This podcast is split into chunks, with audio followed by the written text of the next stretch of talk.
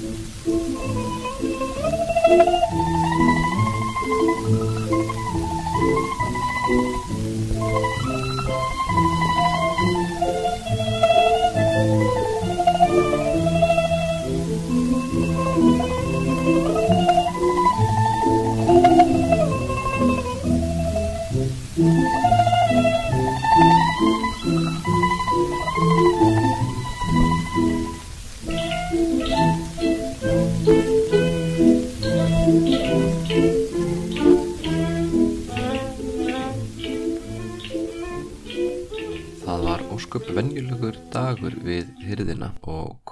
Kókjóku drottning settist niður á samt ráðgjöfum sínum. Þar á meðal Sokan og Íruka valda mesta manni í Japan síðustu áratíi til að hlusta á skýslu frá sendinemnd sem þau tvö höfðu sendt til kórausku konungdæmena þryggja. Diplómatarnir sem snýru tilbaka frá skaganum höfðu að vísu ekkert nema slæmar fréttir að færa þeim. Tang veldið í Kína var í stórsókni í Gogurjó og konungdæmið Jilla, hinn forni fjandi Yamato, gerði sig líklegt enn eina ferðina til þess að hertaka Bekkja, bandamann konungdæmisins á meginlandinu.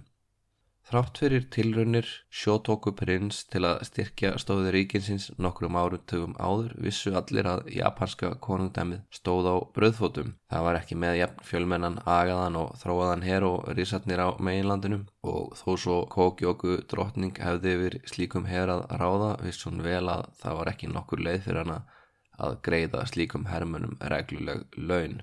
Ólíkt Jilla og Tang veldinu sem voru nútímalega ríki með öflugt skrifiraði sem sáum að skatleggja hvern einasta bletti í landinu, var Yamato ríkið ekkert annað en samansafn ættbolka sem að nafninu til viðukendana sem drottningu fulltrúa sólargiðunar Amaterasu á jörðu en dætt ekki huga greiðani reglulega skatta eða hlýða tilskipunum frá höllinni. Titill hennar var nánast eins og brandari Amen og Shita Shiro Shimesu og Kimi drottningin sem öllu ræður undir himninum. Allir vissu að þið rönnulega vald var í höndum soka ættbalksins og sérstaklega mannsins sem satið lið drottningarinnar þennan dag, sokan og íruka, ættarhöfuðið sem var að reysa sér höll skamt frá sem jafnaðist á við vistarverur Yamato ættarinnar og sumir kvísluðu að hann væri að íhuga að skipta keisarættinni út endanlega. Allir vissu jú að Íruka var hættur að titla sig sem þjón og byrjaður að kalla sig valdhafa eða konung í brefaskiptu. Og það var líka þörfa á sterkum konungi. Hvað ef Tang Kína myndi klárað hertaka Norður Kóru og bandamæði þeirra Jilla myndi klárað hernema Suður skagan? Myndu þessir bandamenn þá snúa sér að næsta skotmarki innrás inn í Yamato? Kanski væri fyrir bestu ef soka ættbalkurinn einfallega tæki öll völdin og reynda þjappa saman ríkinu.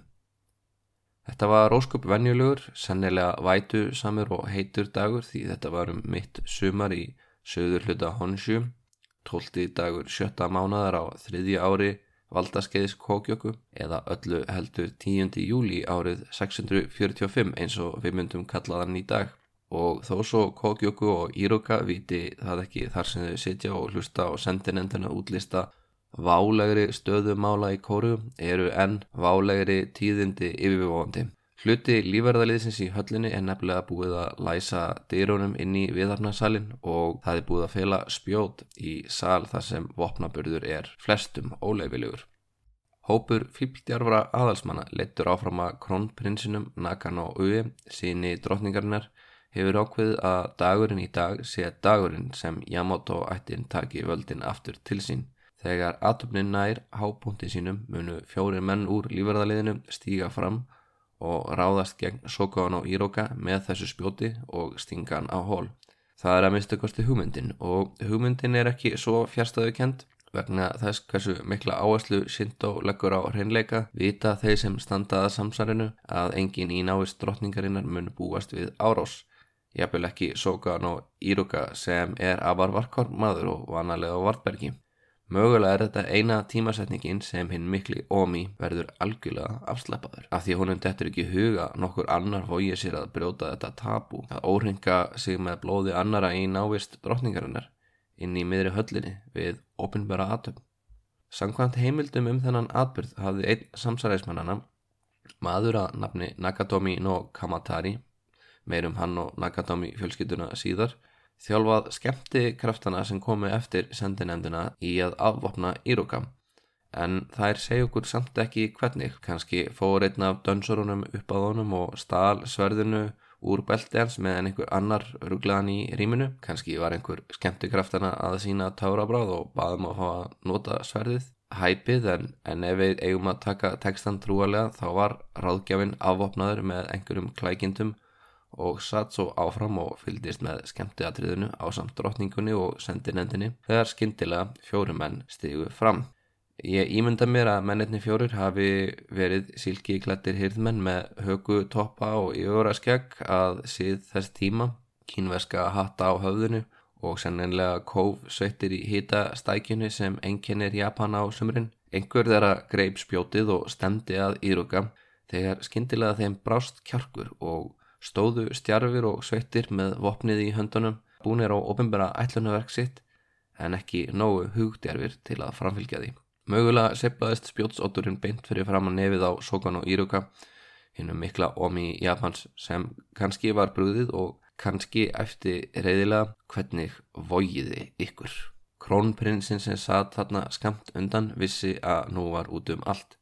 Mennirnir fjórir yrðu handsamaðir og pyntaðir og þeir myndu hjáta og þeir myndu benda á hann, félaga hans, lífverðina sem hann hafi mútað til að læsa öllum útgöngulegðum og það myndi þýða dauða þeirra allra.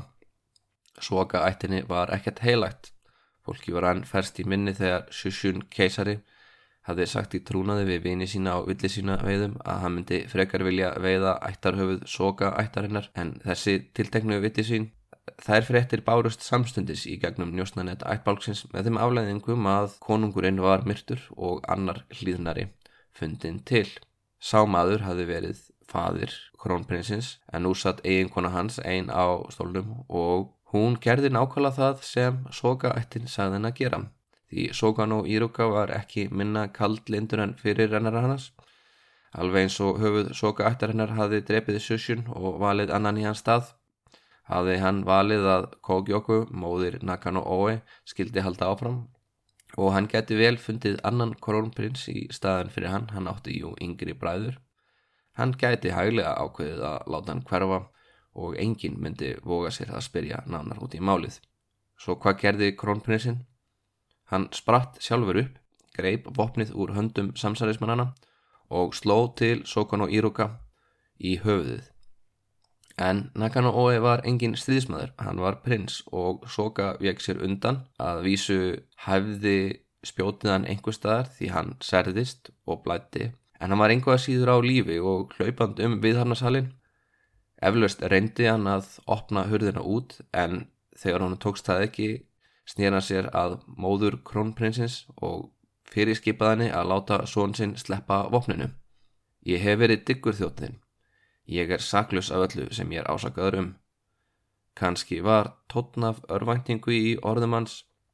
Það var jú einugis einn maður vopnaður þarna inni Ég er saglus eftir Íruka. Hvað á þetta þýða? Hvernig dyrfisti? Og þá segir Kojiki okkur að drotningin hafi staðið upp. Og á því augnabliki reyðust örlög Íruka, örlög Nakano Oe og örlög Soka ættarinnar og jafnvel framtíð konungveldirsins. Hún stóð upp, virti són sinn, blóðugt vopnans, ráðgjafa sinn, blæðandi sárans og hún sagði, já, hún sagði ekki neitt. Hún leit einfallega undan og gekk yfirveguð af stað út úr hallarsalinum. Ef hún sagði eitthvað þá var það að þetta gef henni mikið til að hugsa um, segir Kojiki.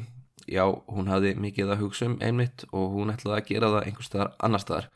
Og á þessu ögnableki áttuðu óvinnir Sokon og Íroka og þeir voru margir þarna inni.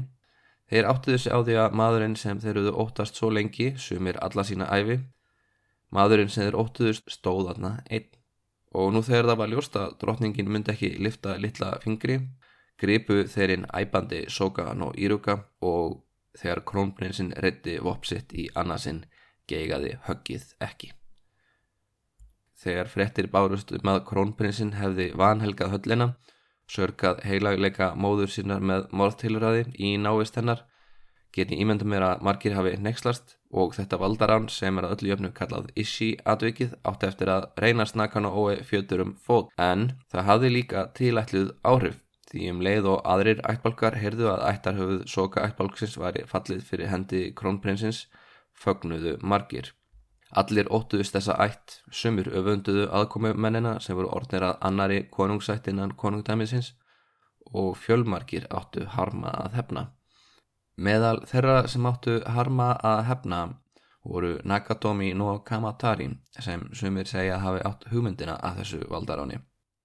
Kamatari þessi af Nakatomi ætt var mikill áhuga maður um herrkensku og stúderaði kínverska hernaðalist og vissi því sem var að ef til innrásar frá meginlandinu kæmi myndu japanski stríðismenn sent standast herrveldinu snúning. Kína var stórveldi og skipatakni hafi fleikt mikið fram á síðustu öldum sem gerði það verkum að Japan sem eitt sinn hafði þótt dulafullt framandi og fjarlægt í augum Kína var nú orðið að nágrana nágrana með aðeins of sjálfstæðan vilja en þráttur í þekkingu sína var Kamatari þó ekki af neinum stríðismanna ættum Eitt af því sem getur verið örglandi við þessa hlaðarpsþætti ímandið mér er fjöldi nallur af framandi nöfnum sem ég þeilu upp guðir og menn með löng og ókunnulegu nöfn sem festast ekki almennilega í óvönum íslenskum eirum. Af þeirri ástæðu ákveði ég að sleppa því í síðasta þætti að tala um Nakatomi ættbálkin og leifa Mono Nobe að eiga síðsljósið.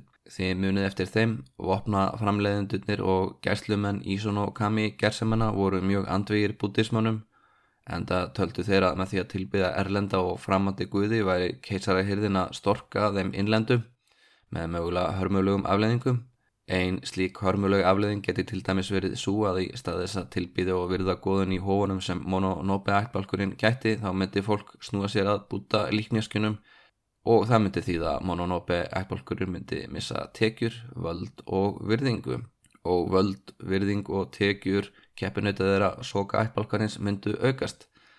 En meira var í húfi fyrir Nakatomi því hann var ekki einu sinni með neitt annað hlutverk. Mononobe voru jú aðalega styrðismenn og, og sáum að gæta vopnabúrsins fyrir keisarafjölskytuna. Hlutverk Nakatomi Jættbálksins var ekki að útvöga konungsfjölskytunni vopnaða hermenn, heldur veita þeim andlega ráðgjöf, ráðfara sig við síndóguðinu og annars helgi aðtafnir. Ef að hyrðin myndi snúa sér alfarið frá gömlu guðunum og að einhverju nýri framandi blöndu af kínverskri og indverskri tómhyggju, hvað er þið þá um þeirra vald?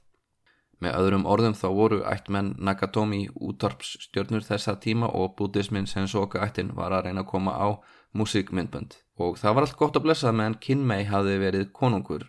Hann tók við bútaliknjöskunum og helgi tekstunum sem kóruðu búatnir höfðu sendt. Kanski aðalatið þessa mókakin einn, kinkaði kurtisislega kolli þegar sendi menn Bekkje, þeirra gamla bandamanni á meginlandinu, sögðu að með þessum fræðum mætti uppfylla allar hans óskýr en þegar Sokano um að kópa að koningunum að mega reysa hóf til dýrðar þessum skrítna kínvesk-inderska guði þá komu ættarhöfuð Nakatomi ættarinnar á fundans og sögðu að góðin myndu reyðast ef það er því leift og konungurinn fóraðar á þeirra. Soka ættin mátti halda áfram að tilbyða búta líkneskinn sín en þeir þurfti að gera það heimahauðsir. En svo gerist það hryggulega, erfingin. Bidatsu hreinræktaður Yamato í báða ætliði sem framfylgdi stefnu föðusins í einu öllu og gáða út að svo lengi sem að soka ættin geimdiði bútælikniskin heima hjá sér og stundaði þessa skriktnum síði þar þá var það í lægi en fólk ætti ekki að flagga því ofinbila og alls ekki reyna að sannfara aðraðum að taka upp þessa trú. Hann dó eftir bara nokkur ári í hásætinu og það var úr einhverjum sérkennilegum erlendum sjúkdómi sem var að koma á eigin í fyrsta sinn sjúkdómi sem afmyndaði alla í framann Já, í stað hans kom annar maður, vissulega sonur konungsins líka en ekki hreinræktaður Yamato, móður hans var af Soka ætt, sýstir þessa hrikala Sokan og Umoko og hún var búin að kvísla í eira prinsins þessari indvesku tómikju, þessari kínvesku hjátrú, þessari bölvuðu nýtísku. Og hann tók við munkum og nunnum sem komið til Japans og lefði þeim að byggja hóf og notaði meiri segja peninga úr fjárhyslunu til að styðja við kínverska arkitekta sem fóru að reysa þessar pagótur, þessar skrýpaturna og fyllaðar með afbreyðilegum stittum og innan skams voru munkarnir og nunnar byrjaðar að kyrja dag og nótt með skelvilegum afleðingum fyrir þjóðuna og heflaust að halda guðunum andvaka.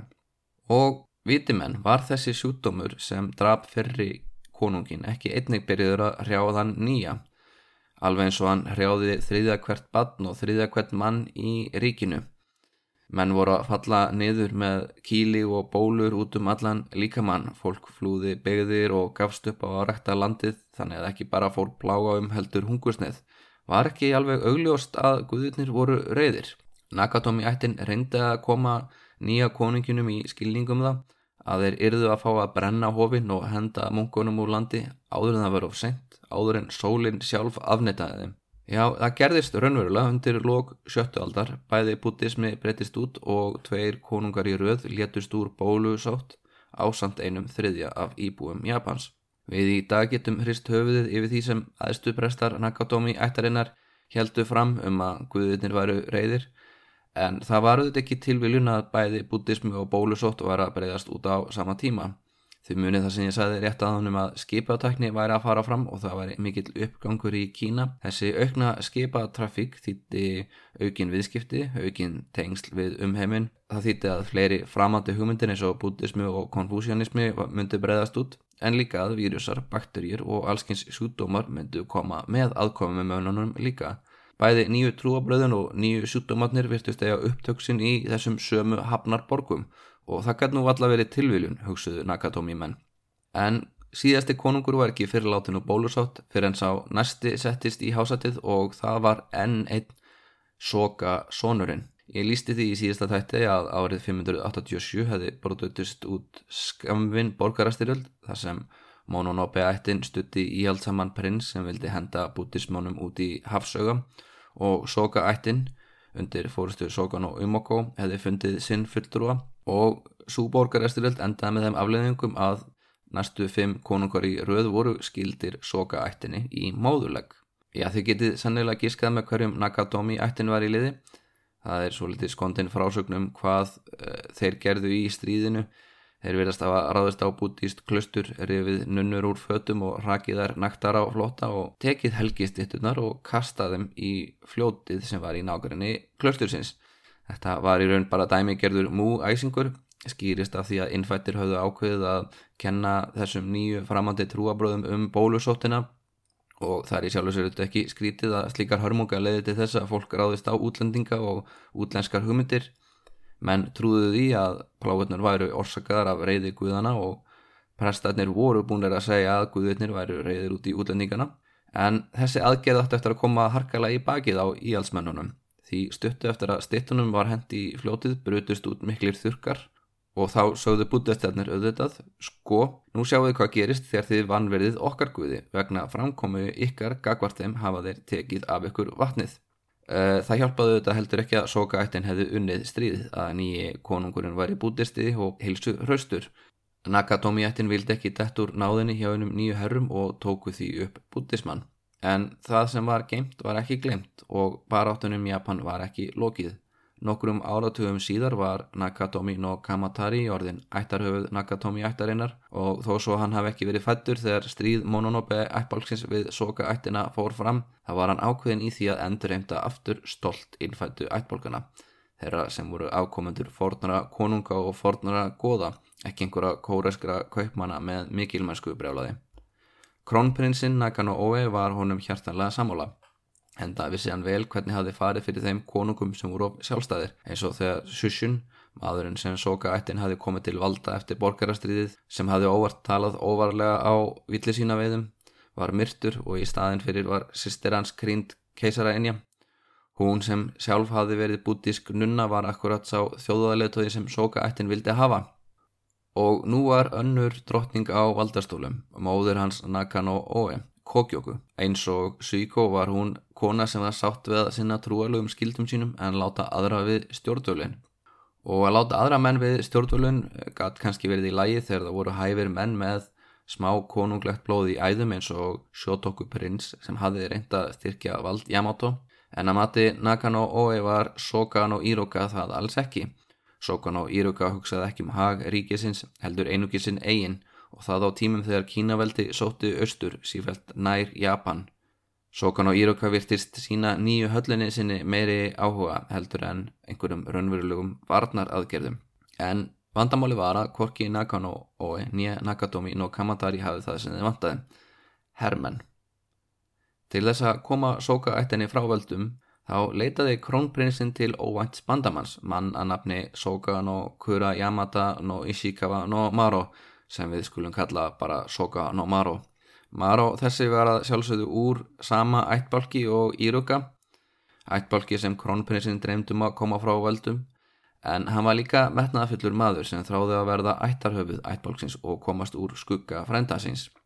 Hann hafði peninga og hann hafði hermenn og hann hafði líka dóttur sem kronprinsinn hefði kannski áhuga á að kynnast nánar. Svo eins íróníst og það kann að hljóma þá ákvað kronprinsinn sem var ósattur við það að allir sem hafðu stýrt Japan síðustu árin hefðu annarkort verið hálfur soka eða giftir inn í sokaættina. Hann ákvaði að gifta sig inn í eina af tveimur hlýðum sem börðust um yfiráð í ættbálkinum. Og þessi, þessi rígur milli Sokano Iroka og Sokano Maro stýrist af öðru dramatísku atviki í sögu keisara ættarinnar þeir sjáðu til eftir að meðfæralega nunnan hafi verið drotning í 30 ár. Þá let hún lífið án þess að tilnefna erfingja að sjálfsögðu voru þeir einu sem komið til greina í ennbættið af Yamato ættinni en Af þeir sem komið til greina í Yamato ættinu kom einungis þeir sem voru með sokablóð í æðum raunverulega til greina en gallin var þó sá að það útlokaði eiginlega engan. Þessar e, ættir voru kyrfilega giftar saman. Svo eftir afar flókið ættamót þar sem allir voru fræntískinni en líka máar og mákonur þá ákvað ættarhöfuð soka ættbálksins að fyrst valið stæðamilli sonar sjótoku sem virtist af að skoðunar á því hvernig þetta reyka ríkið og frænda hans Jómei sem virtist ekki hafa jafnmiklar skoðanir þá væri best að velja Jómei. En það er líka oft þannig að þegar búið er að nefna að einhver geti hugsanlega orðið konungur það er erfitt að taka slík orð tilbaka. Sónur Shotoku Yamashiro flúði en Sokano Iroka náði honum á endanum og þyngaði til að fremja sjálfsmorð. Það er auðvitað svo litið kaldaðnislegt að þetta sé einna þenn glæpum sem krónprinsinn Nakano Oe ásakaði Iroka um. Því auðvitað væri hann ekki krónprins, fadir hans hefði ekki orðið konungur og móður hans væri ekki drottning ef að Yamashiro þessi hefði fengið að lifa. En Sokan Omaro var nefnilega bara ekki sáttur við þessa niðurstuðu heldur og það var það sem skipti máli. Við meðum ekki gleyma að þetta er allt saman fræntfólk. Shotoku var vinsælisti meðlumirun bæði Yamato og Soka megin og sonur hans hinn fullkomni prins, eiginlega bara fullkomnari nú þegar hann var látin og Kanski er ég að mála Sokan og Maro og fólkskulegu upp þegar ég maður gefur í skín að hann þráði að verða ættarhöfuð Soka og fá almennlegt ennbætti sjá dóttur sína grínda drotningu. Gat ekki bara líka verið að Yamashiro hafi verið einn af uppáhalds frændum hans að honum hafi fundist Íroka anstekilegu maður sem ætti skilið allt til versta fyrir að þvinga þennan ljúfa prins til að segja góða nótt. Það gæti þetta vel verið en með plottaran Nakatomi no Kamatari og herrmenn Sokano Maro sér við hlið og kólnandi lík Sokano Iruka á gólfi hallarinnar var ekkert lengur krónprinsinum til fyrirstöðu. Þeir heldu að ættaróðili Soka ættarinnar, þeir sem sátu þar inni kvektu í setrinum þegar þeir sáu herrin nálgast, kannski til að gefa valdaræningunum ekki færi á að ræna gersimum, kannski var þetta sjálfsmórð, kannski kviknaði í miðjum bardagunum, en niðurstaðan var svo saman. Þreimenningarnir stóð uppi sem sigurvegarar og þeir gáttu nú gert Japana því ríki sem Shotoku prins hafði alltaf þráð að gera það. Landið átt ekki lengur að vera stýrt af sundruðum ættbálkum, það var nóg komið að þessu Uji-kerfi. Hérðan í frámyndi konungurinn ávalt útnefna landstjóra yfir hérðum. Jú, vissulega myndi þetta vera meðlimir í sömu aðalsættum og það myndi velja sama fólk og hefði átt og stýrt landsaðanum áður og að sjálfsögðu myndi þetta vera arfgeng staða en það var ekki punkturinn þetta átti að vera skýrt að hérna í frá var það konungurinn sem er reði landið tilerið honum og hann útlutaði því til fólksins í landinu alveg svo keisarin í Kína gerði. Þessar umbreytingar voru kallar tæka eða hinnar miklu breytingar og voru flestar í þeim andað að gera ríkistjórn Japans líkari ríkistjórnum meilandins reyna að innleiða konfúsisk gildi reyna að innleiða kínverska stjórnsíslu og sérstaklega kynverska skattheimtu. Reyna að búa til ríki sem væri fært um að halda uppi stórum her og berjast við tangveldið þegar að því kæmi. Að því sögðu voru þessar umbreytingar ekki svo ólíkar Meiji tímabilun í Japan þar sem gamla lénsveldinu var hendt út og reynd var að nútíma væða landið og gera líkara vesturlöndum. Það má deilum hversu djúft þessar breytingar ristu, til dæmis þá tókst aldrei að innlega embætismannaprófi eins og í Kína, þar sem sá stigahæsti úr skriflugu prófi fekk embæti. Japan varð aldrei að fræði mannaveldi, til þess voru gamlu ættarklíkunar og rótgrónar og menn erfðu embætin frá fæðurum sínum. En uh, enguða síður þá er ljóst að skattemda jógst því að ríkið fór að standa miklu viðameri byggingafrangvandum. Nakano Oe létt færa höfuborginu um leið og hann gatt, hann færði hana frá ströndinni þar sem hún lág vel við höggi frá innrásarher og upp á hól og byggði virkisvegg í kringum hana, nokkuð sem var nýlunda. Hann létt líka grafa skipaskurði og hann reisti fjölmörg virki á vesturströndinni sem snýri að Kína og Kóru, nokkuð sem bendi til að óttin við innrás hafi verið rönnurulegur því þetta var dýrt og mögulega óvinnselt. Þannig að Japan er nú á leiðin í tímabil sem einkennist af meiri miðstýringum, sterkari ríkistjórnum, þó svo gamlu ættarveldin séu ekki horfin. Soka ættin reys aldrei aftur til sömu metorðum. Vissulega stóð Nakan og Ói við sitt hvert tengdaföðu sínum. Hann kom vel fram við eiginkonu sína og dóttir þeirra var síðar meira að drotningu en Sokan og Maró varð ráð þeirra hægrisins staða sem var búin til að kínverskri fyrirmynd og var annað til þriðja valdamesta ennbætti landsins í hennu nýja fyrirkomalagi en Nakano Ói var að sjálfsögðu svo rótökur að hann hend út gamla kerfinu þar sem aðalsmenn hafði verið tillaðir Omi og Muraji. En því miður bara eftir nokkur ára á ráðhrastól var Sokano Maro ásakaður um samsari hann var kyrtur til bana í Yamadera-hofi eiginkonans og sjö börn fremdu sjálfsmorð. Og aðrir ættingar voru handsamaðir og teknir af lífi Soka ættinni var svo gott sem útrýnt, já svona að nýju drottningunni undanskilinni og nokkurum tryggum uh, mönnum við hyrðina. Öllu betur gekk hjá Nagatomi no Kamatari þó. Hann heiti þó ekki lengur Nagatomi í þessari sögu, heldur fjekka nýtta að launum fyrir hjálp sína, Fujiwara. Það kaldnæðislegasta við þetta allt saman er mögulega svo staðrind að Fujiwara ættin átt eftir að koma í stað soka ættbálksins með sömu strategíum með því að gifta sér inn í konungsættinu og tryggja það að einugís konungar sem ættu Fujiwara konungu konu fyrir móður kemurst til valda. Uh, en það gerist ekki alveg strax. Nakano Oe fjekk að njóta þess að sjá Yamato ættina í örskuma stund drotna eins og kínversku keisaratnir hann fór þó að ráðum félaga síns Fujiwara no Kamatari og lefði bróðu sínum að setjast í hásettið um leið og móður hans hæði af sér. Því munið eftir morðinu í byrjun þáttar. Uh, nú vegna þess hversu vanhelg stund þetta var þá nettist uh, Kogjóku til þess að segja af sér. Drotningin taldi sig vera of óhreina og of, of mengaða eftir þennan atbyrg til þess að sinna trúarljum aðdöfnum en uh, ef Nakano Oe hefði gerst konungur í kjölfarið þá hefði það litið afar íllút hann hefði litið út fyrir að vera valdagráður fyrir það fyrsta. En uh, hann er jú maðurinn sem jú mest mengaður og, og eftir þennan viðbyrð og það hefði ekki kunnað góður í lukka að stýra að láta hann sjá um fornaraðtafnir. Nú, vegna þessara mengunar var hann óhæfur og á móti gæti hann tekið sér gamla hlutverk prins Sjótoku og stýrt landinu í raun. Uh, hann gæti í rauninni séð um stjórnsísluna og leift bróður sínum að vera trúalegt takk. Alveg eins og Sokono Íruka hafi verið að gera. Eh, þegar bróður hans lérst þá kallaði Nakano Oe aftur á móðu sína og hún kom aftur til valda sem drotning, mögulega búin að reynsa sig með einhverju móti. En það var ekki fyrir en hún var látin sem Nakano Oe loksins tók við krúnudjósnunum þremur, settist í hásatið og tók upp keisaralega nafnið Tenji. Tenji styrði til ásins 671 og er áletinn góður keisari, réttlátur gagvart almenningi Á valdatíð hans flæktist Japan inn í stríð á Kóriðurskánum og sendi skip til hjálpar Bekke en bæði Jilla á östuströðun Suðu Kóru og Tangveldið í Kína höfðu sameinast gegn því. En því miður þá fóru Japanum mjög illa út úr stríðinu þó svo þeir hefðu verið með fleiri skip en kínverðarnir voru kínversku skipin mun betur smíðuð, herrmennir betur þjálfaðir og niðurstaðan eftir því. Jilla náði kjölfarið að sameina Kóruðurskan undir einu miðstýrðu konungsriki En sem betur fer fyrir Japan komust kínversku keisararnir að þeirri niðurstöðu að innrás inn í landina rísandi sólar myndi senkt svara kostnaði. Að því leitinu til þá borgaði e, þáttakann í stríðun á kóriuskafana sig fyrir Japan.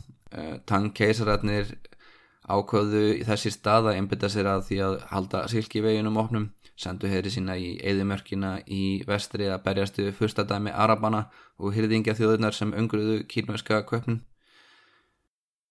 Tvö ljóð hafa varðvest eftir Tenji, eitt er í ljóðasafnunu Man Yoshu sem stittist í að vera til umfyllunar en annað í safnunu Hyakunin Ishi eða 100 ljóð eftir 100 höfunda sem tekið var saman á 13. öld. Um, ég ætla að lesa það fyrir ykkur á japansku fyrst og svo í slappri íslenskri þýningu minni og leif okkur þannig að heyra hann lýsa heiminum eins og hann sá hann með sínum einn orðum. Aki no ta no kari ho no iho no toma o arami waka koromo dewa tsuyu ni nuretsutsu. Þar sem hrískróna agratnir liggja leitaði ég skjóls í kofa varðmannsins. Hvað varðar ermi mína þá er hún enn gegn vot eftir haust regnið. Eh, þessi íslenska þýðing mín slátrar eh, því miður bæði hljómi og tvöfaldri merkingu tekstans en ljóðið kvifur á orð þegar hellið dempa skellur á konungin þar sem hann er að verða fyrir sér haust uppskýruna. Hann flýr í kofa skrifli sem er ætlað varðmanni manni sem á að fylgjast með því að krákur og annu meintir ráðast ekki á agrana í japansku útgáðin er svo opið fyrir tveimur tólkunamöguleikum að frakka ermi konungsins sem er eflust úr dýrindis silki sé annarkort geggvot af tárum eða dögg. En ég fann ekkert sameit á íslensku sem þýðir bæði tár og dögg í einu. Í beinþýðingum myndi ljóðið eflust ljóða hrískróna agrar að hausti til geimslu skúr skástri gistiðastaða verkamanns fórundir þak, annarkvort hafa tár mín eða döggin bleitt ermi mína og þá er hugmyndin vantilega svo að það hefur byrjað að rigna á konungin en hann hafi nú þegar byrjið eh, blöytur af því hann hafi tárast yfir fegurð landsins. En þetta verður sannlega ekki síðasta ljóð eftir keisaraða politíkus sem verður til umfyllunar í þessum þáttum. Ljóðagerð mun uh, hafa mikil áhrif á valdabaróttu í næstu þáttum hugsa ég og bókagagrinni ekki síður. En við látum þetta heita gott að sinni. Eins og áallt takk fyrir hlustununa og í næsta þætti þá ræðum við hvað maður gerir þegar tengdasónum manns, máur manns og bróðursónur verður konungur Japans og þetta er allt sami maðurinn.